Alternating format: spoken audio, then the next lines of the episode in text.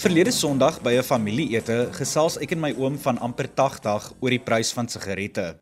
Hy het in die 1970s opgehou rook en vra my toe hoeveel 'n pakkie al vandag kos. Hy wou amper op sy rug val toe ek hom vertel.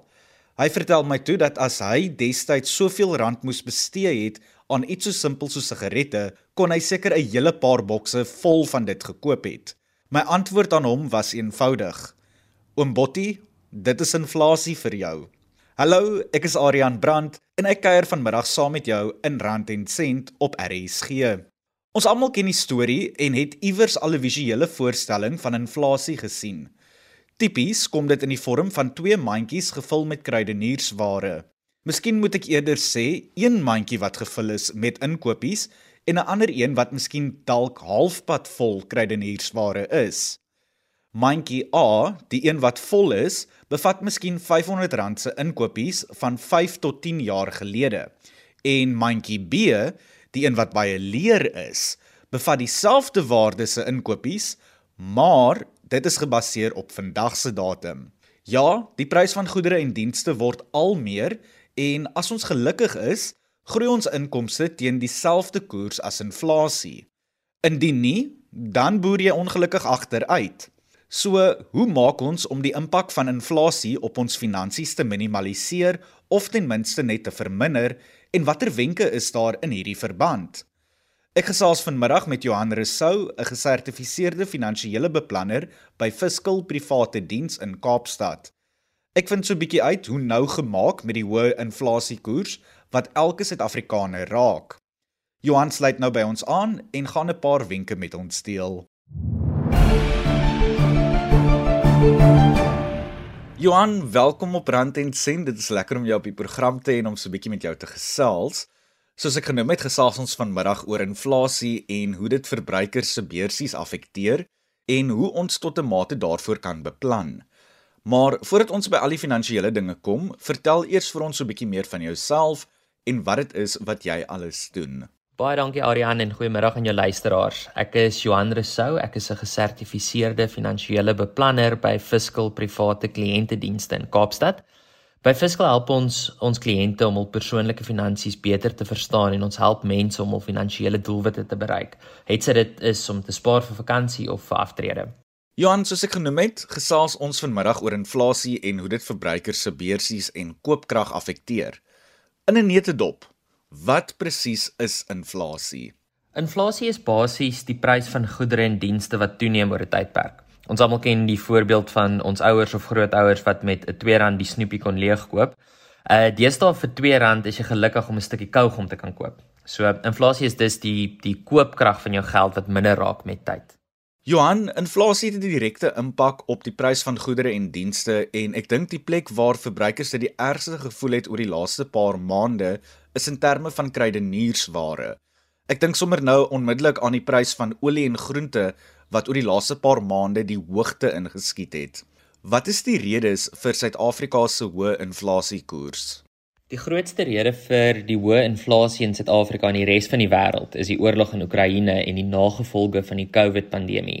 Hierdie gebeurtenisse het veroorsaak dat die prys van brandstof en voedsel dramaties toegeneem het die wêreld oor. Johan, dit is sekerlik 'n moeilike vraag om te beantwoord, maar ek moet vra.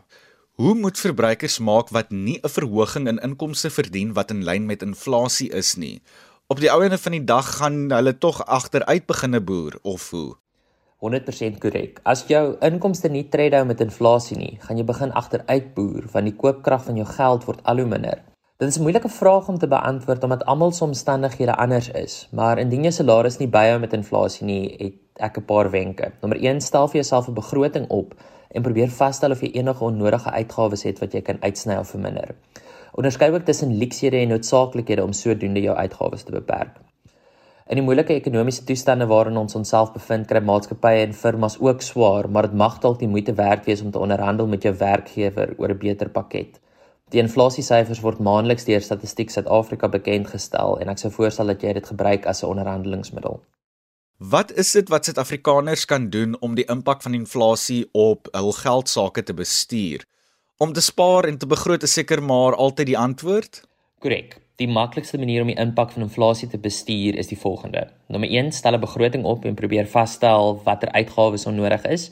Soos byvoorbeeld is daar 'n toepassing op jou foon waarvoor jy betaal maar nie gebruik nie. Kyk ook na uitgawes soos versekeringspremies en probeer kyk of daar alternatiewe goedkoper opsies beskikbaar is. Nommer 2, vermy korttermynskuld so ver as moontlik. Met rentekoerse wat styg raak dit al hoe duurder om geld te leen. Nommer 3, kyk na alternatiewe bronne van inkomste. Dit kan enigiets wees van troeteldiere oppas tot klere maak. Hierdie bring nie net noodwendig ekstra inkomste in nie, maar dit maak moontlik ook ander deure vir jou oop. Jy begin dalk 'n besigheid en doen iets waarvoor jy meer passievol is as jou 9 tot 5 beroep. Nommer 4, probeer om enige ekstra geld wat jy het te spaar. As jy geen skuld het nie, probeer om 'n noodfonds op te bou wat gelykstaande is aan 3 tot 6 maande se uitgawes. Hierdie fonds moet maklik toeganklik wees en nie blootgestel word aan enige markrisiko nie. Sodra die fonds in plek is, kan jy begin spaar vir die langtermyn. Johan, jy het 'n baie belangrike punt uitgelig en dit is om te begroot. Hoe kompleks en streng moet hierdie begroting wees want ek kry soms die indruk dat verbruikers dink dat dit soos 'n komplekse Microsoft Excel spreadsheet moet lyk. Jou begroting hoef glad nie kompleks of ingewikkeld te wees nie. Die belangrikste is dat jou begroting vir jou werk en sin maak. Of dit op jou foon is of op jou rekenaar of op 'n stukkie papier, dit moet verstaanbaar wees vir jou. Jy hoef ook nie ure te spandeer aan 'n begroting nie. 5 minute elke week is genoeg. Kyk na jou uitgawes en waarna jy jou geld gaan. 'n Begroting is die beginpunt van enige goeie finansiële plan. Johan, een van die maniere waarna ek kan dink hoe verbruikers kan spaar is om alternatiewe diensverskaffers te vind, veral in terme van versekerings. Hoe gereeld behoort ons hierdie vergelykings te doen van verskillende versekeringsmaatskappye en die premies wat ons maandeliks betaal? Ek sou aanbeveel om ten minste jaarliks te kyk na jou diensverskaffers. 'n Finansiële plan en 'n begroting is nie staties nie. Dit moet aanpas by jou leefstyl en jou lewenswyse. Dit is ook waarom dit belangrik is om ten minste jaarliks met jou finansiële beplanner te ontmoet. Een belangrike uitgawe wat kliënte dikwels miskyk is bankkoste.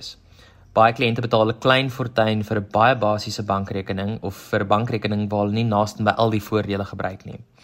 Dit is nie ongewoon om 'n kliënt te sien wat R500 per maand of selfs meer vir 'n bankrekening betaal nie. Hierdie rekeninge bied selde meer voordele as 'n basiese bankrekening. Daar is deesdae ook baie kompetisie onder die banke wat lei tot goedkoper bankkoste vir kliënte. Kyk dus na jou bankstate en wees bewus wat jy betaal en watter voordele jy ontvang indien enige. Ehm um, doen ook navorsing oor alternatiewe banke wat vir jou dieselfde kan bied teen 'n fraksie van die koste. Johan, as 'n opvolgvraag tot die wenk om 'n ekstra inkomste te genereer deur middel van 'n klein besigheid te begin of 'n side hustle, Hoe realisties behoort luisteraars hieroor te wees? Ek weet soms begin mense te groot met hulle sogenaamde side hustles en kort voor lank val alles plat. Dit is belangrik om klein te begin en behoorlike navorsing te doen. 'n Side hustle of 'n klein besigheid moet jou nie onder meer finansiële druk plaas as wat jy reeds is nie. Begin met iets waarvoor jy talent of passie het en vra vir advies van jou familie en vriende. Een van ons kliënte by Fiscal het 'n voltydse werk, maar sy is 'n talentvolle kunstenaar. Sy het begin om kunswerke te maak vir vriende en hulle was so tevrede met haar werk dat hulle haar begin verwys het na van hulle kontakte. Sy het nou 'n lekker stroom inkomste opgebou saam met haar salaris en een van die dae gaan sy voltyds kan fokus op haar kuns. Nou, in terme van inkopies, kruideniersware en inflasie, hoe wys is dit van verbruikers om op die uitkyk te wees vir winskoopies by verskillende supermarkte en om hul inkopies by verskillende winkels te doen? En nie meer slegs by een eksklusiewe supermark nie. Dit is 'n briljante idee. Ek sou ook voorstel dat verbruikers so ver as moontlik in groot maat probeer koop. En ek sou ook voorstel doen navorsing oor lojaliteitsprogramme. Sekere winkelgroepe en banke bied hierdie programme aan en as jy dit goed benut, kan jy lekker geld spaar. Johan, ek moet ook seker vra. Weet jy moontlik hoe verbruikers se kooppatrone of gewoontes verander het oor die tyd? As ek net byvoorbeeld dink na myself, dan moet ek erken dat ek 'n paar basiese items aan die begin van die maand koop en dan wag om ander dinge te koop totdat ek sien die items op 'n laer prys verkoop word. Ek weet ook dat daar deesdae 'n guur onder verbruikers is om in groot maat of in bulk aan te koop. My persoonlike koopgewoontes het drasties verander oor die laaste paar jaar en ek sien soortgelyke patrone onder ons jonger kliënte. Die verbruiker in Suid-Afrika is onder geweldige druk en daar is beslisse afname in die aankope van luksehede. Iets wat ook ooglopend afgeneem het is die bedrag geld wat mense op brandstof spandeer. Na die pandemie werk al hoe meer mense van die huis af en die wat wel kantoor toe moet gaan, maak gebruik van saamryk klubs om die effek van die hoë brandstofpryse te verminder. Johan, dit help nie ons praat vanmiddag oor inflasie en ek vra nie die volgende nie. Hoe lyk die vooruitsigte vir die res van 2022 en dan volgende jaar 2023 as dit kom by inflasie? Dit is moeilik om te voorspel wat inflasie binne die volgende jaar gaan doen want dit is grootliks afhangend van eksterne faktore. Die Suid-Afrikaanse Reserwebank is wel optimisties oor die volgende 2 jaar en verwag dat inflasie gaan daal. Maak nie saak wat die eksterne faktore is nie en wat die inflasie uitkyk is nie. Dit is belangrik om by die beginsels te bly wat ons bespreek het in vandag se onderhoud en seker te maak jy spandeer nie meer as wat jy moet nie, dat jy meer inkry as wat jy uitgee en dat jy fokus op onnodige uitgawes en dit probeer uitsny so ver as moontlik. Johan ten slotte, het jy enige laaste wenke of raad en advies wat jy dalk met die luisteraars wil los voordat ons vanmiddag groet? Inflasie is besig om talle mense oor die wêreld onder finansiële druk te plaas. Deur 'n wakende oog te hou oor jou bankstaat en begroting en klein veranderinge te maak in jou leefwyse, kan jy die druk op jou beursie verminder. Ek sou ook aanbeveel dat luisteraars gebruik maak van die dienste van 'n gesertifiseerde finansiële beplanner.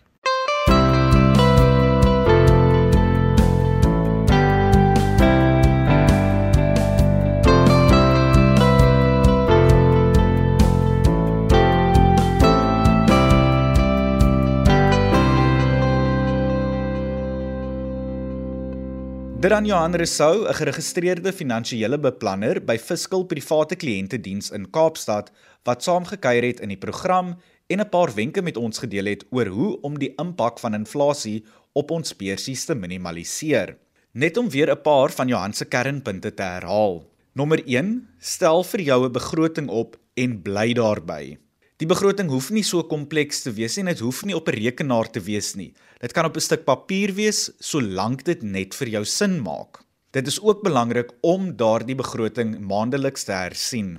Nommer 2, indien jou salaris nie vermeerder nie, onderhandel vir verhogings. Gebruik ook die nuutste inflasiekoers statistieke wat beskikbaar is om jou argument te staaf. Nommer 3, hersien jou versekeringspremies op 'n jaarlikse basis en ontmoet ook op dieselfde tyd met jou geregistreerde finansiële beplanner. Nommer 4: Sny enige en alle onnodige uitgawes. Dit sluit ook in foontoepassings waarvoor jy betaal en ook subskripsies waarvoor jy geregistreer is. Nommer 5: Vermy enige korttermyn skuld.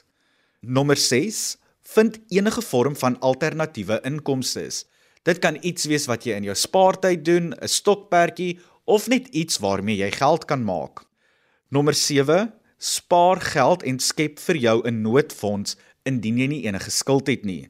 Hierdie noodfonds moet enige tyd beskikbaar wees en moet nie blootgestel wees aan hoë risiko's nie. Die beste is ook om seker te maak dat daardie noodfonds 3 tot 6 maande se uitgawes sal dek. Die laaste wenk is kontroleer en evalueer jou bankkoste wat jy maandeliks betaal. Jy sal verbaas wees hoeveel jy soms betaal, so raadpleeg op 'n maandelikse basis jou bankstate. Indien jy sien dat jy te veel betaal vir bankkoste, oorweeg ander opsies. Is daar ander maniere om geld te spaar wat sal verseker dat jy meer geld as maand het? Hoewel die brandstofprys die laaste maand of so begin daal het, betaal ons steeds baie om ons voertuie op te top. Dan praat ek nie eers van die prys van elektrisiteit en ander dinge nie. Toe maar, ek gaan nie vloek en skel nie. Die punt wat ek eenvoudig wil maak is dat ons elkeen teen die tyd nou al gewoond is om geld te spaar en om elke rand en sent om te draai. Ek het onlangs met Peer Kloete, 'n korttermynversekeringsspesialis by Innofin Wealth in die Kaap gesels en was op soek na 'n paar praktiese geldspaarwenke. Peer deel nou sy raad en advies En moontlik kan jy ook 'n ding of twee baas raak.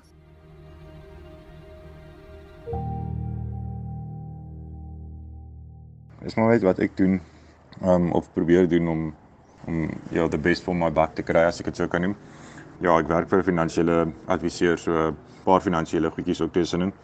Maar ja, ek dink om net te begin, ek dink daar's baie Suid-Afrikaners, insluitend ek, wat tot die besef kom dat jou salaris nie meer so ver strek soos wat jy gedink het of wat dit eens gedoen het nie wat nou bydra aan inflasie, koste van voedsel, brandstof en net die alledaagse lewenskoste en dit verswak natuurlik jou koopkrag heelwat. Ja, wat ek doen aan my kant is om op 'n gereelde basis my versekeringspolisse te hersien dat jy kan jou op jou premies te kan spaar. Ehm um, baie keer as jy versekeringsmaatskappye kontak en jy sê luister jy jou premie is bietjie hoog of jy kyk om selfs sommige van jou goederes te konsolideer en bymekaar te sit. Ehm um, dan sal maatskappye daar uit om daar vir jou te help. Ja, jy moet nog steeds net kyk na jou behoeftes dat jou behoeftes gedek word. Ek wil ook sê soos in jou beroep wat dit is tog wat jou koopkrag gee is jou beroep is om te fokus om jouself meer waardevol te maak in jou in jou beroep. Ek sê nou vir jou maar ek bedoel in my beroep my meer waardevol te maak dan wat betref aan die begin van elke maand om eerder die groot mate koop wat inkopies betref. Dit jy bes gaan redelik spaar as jy dit so koop. Baie winkels het soos daardie buy one get one free transaksies vir produkte wat in die groot maat gekoop word. En dit gaan jy oor die langtermyn miskien dalk nie dadelik op daardie oomblike tydspaar maar oor die langtermyn spaar spaar dit jou want jy gaan dalk in groot maat koop wat beteken jy hoef dalk volgende maand nie weer daardie aankoop te maak nie en wat beteken daar's besteedbare inkomste wat na jou kant toe kan kom die groot ding daarso is jy moet altyd met 'n met betrekking tot jou inkopies is gaan koop met 'n lysie. As jy draai nie 'n lysie het jy dan gaan jy jou off the map gaan en jy gaan goeder koop aankoop wat jy einde van die dag nie gaan nodig kry nie. En ja, dit gaan vir jou definitief heel wat geld uit die sak uitjaag want is daai onnodige sal ek sê meer begeertes wat opduik in plaas van jou behoeftes. Wat ek ook gedoen het om meer strenger om my uitgawes is is om as ek miskien nou iets sou gaan koop by winkel dan en maar dan sal ek eerder soos amper soos 'n um pitstop maak vir iets anders te ook. So ek sal nie net ry spesifiek vir daardie daardie een ding te gaan koop of daardie een ding aan te skaf nie. Ek sal probeer om soos 'n outing te maak en alles wat benodig word in die veral met die petrolprys as een rit te doen en nie as nou vandag nou ry ek so toe om dit te gaan koop. Maak asook wat ook al jy om iets te gaan koop dan later besef jy okay, jy het nou jy het nou iets heel anders by 'n hele ander winkel So probeer ek alles by een winkel te hou. Ek ek vind dit is is en makliker in die sin van hoe kan ek sê jy petrol verbruik maar vir jou as mense maak dit ook is dit nie so gekompliseer dan nie. Die ander ding is ehm um, klere ja. Mense moet maar altyd klere nodig om goed te lyk vir werk en ook natuurlik in die samelewing as jy nou in die, in die samelewing uitgaan en wil jy mos dan nie nee soos enige Jan Rap en sy maat lyk nie. So ek probeer ook om sê net maar die die klere wat ek wil hê ehm um, ja, daar's 'n enige rede om klere soos teen volspryse te koop hier. Ek probeer om seisoensklere aan die einde van 'n seisoen te koop as dit sin maak. Um in plaas van aan die begin want koop jy klere wat jy aan die begin koop dan gaan jy volprys betaal. En ja, dit is dit is nogal 'n redelike verskil as jy gaan sien as jy klere sal koop, kom ons sê buite seisoen as ek dit nou so kan noem, kom ons sê wintersklere miskien in die somermaand vir volgende jaar gaan jy rel relatief baie spaar ook so.